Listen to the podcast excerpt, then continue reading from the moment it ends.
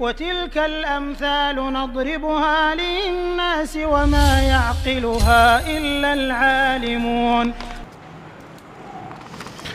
Kemudian pertanyaan berikutnya Di hari pertimbangan Apakah amal ibadah wajib dan sunnah seseorang akan terkikis Atau bangkrut apabila seseorang itu memiliki akhlak yang tidak baik Ya di akhirat itu ada yang namanya hisab dan ada yang namanya qadha Pengadilan Allah Hisab itu berkaitan dengan amalan kita dengan Allah Ibadah Qadha peradilan itu berkaitan dengan dosa kita sama manusia. Seperti apa?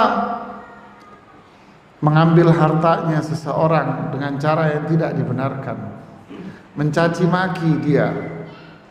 Merendahkan kehormatan dia. Membuka aib orang. Ini peradilan itu di sana nanti hingga kambing yang bertanduk akan disidang oleh Allah karena dulu pernah nyeruduk kambing yang tak bertanduk. Atadruna manil muflis? Tahukah kalian orang yang bangkrut dan pailit? Man ya'ti yaumal man ya'ti yaumal qiyamati bihasanatin amsal al-jibal Orang yang datang dengan membawa pahala ibadah sebesar gunung. Wa qad syatama hadza wa daraba hadza wa akhadha mala hadza. Tapi sayang dia sering mencaci maki fulan, memukul fulan, merendahkan fulan, mengambil hartanya si fulan. Lalu yang bersangkutan di hari kiamat nanti menuntut balas. Ya Allah, duit saya dulu pernah diambil sama dia. Balas. Pembalasnya pakai apa bayarnya? Ke pahala Pak. Ya Allah saya dulu suka dibully sama dia. Bahasa sekarang dibully. Saya suka dibully sama dia saya suka dijelek-jelekin sama dia. Aib saya suka dibuka sama dia. Keburukan kejahatan saya dibuka di media. Keburukan saya ditulis di media sosial. Dengan dalih curhat.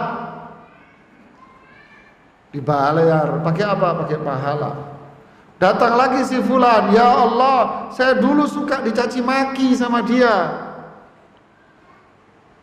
bayar lagi pakai pahala datang lagi si fulan ya Allah saya pernah dihina sama dia Bayar lagi pakai pahala. Setiap hari kita membuka aib orang.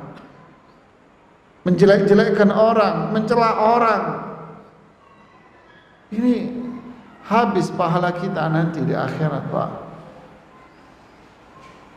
Ya, inilah bahayanya. Makanya dosa dengan manusia itu lebih berat, Pak, resikonya.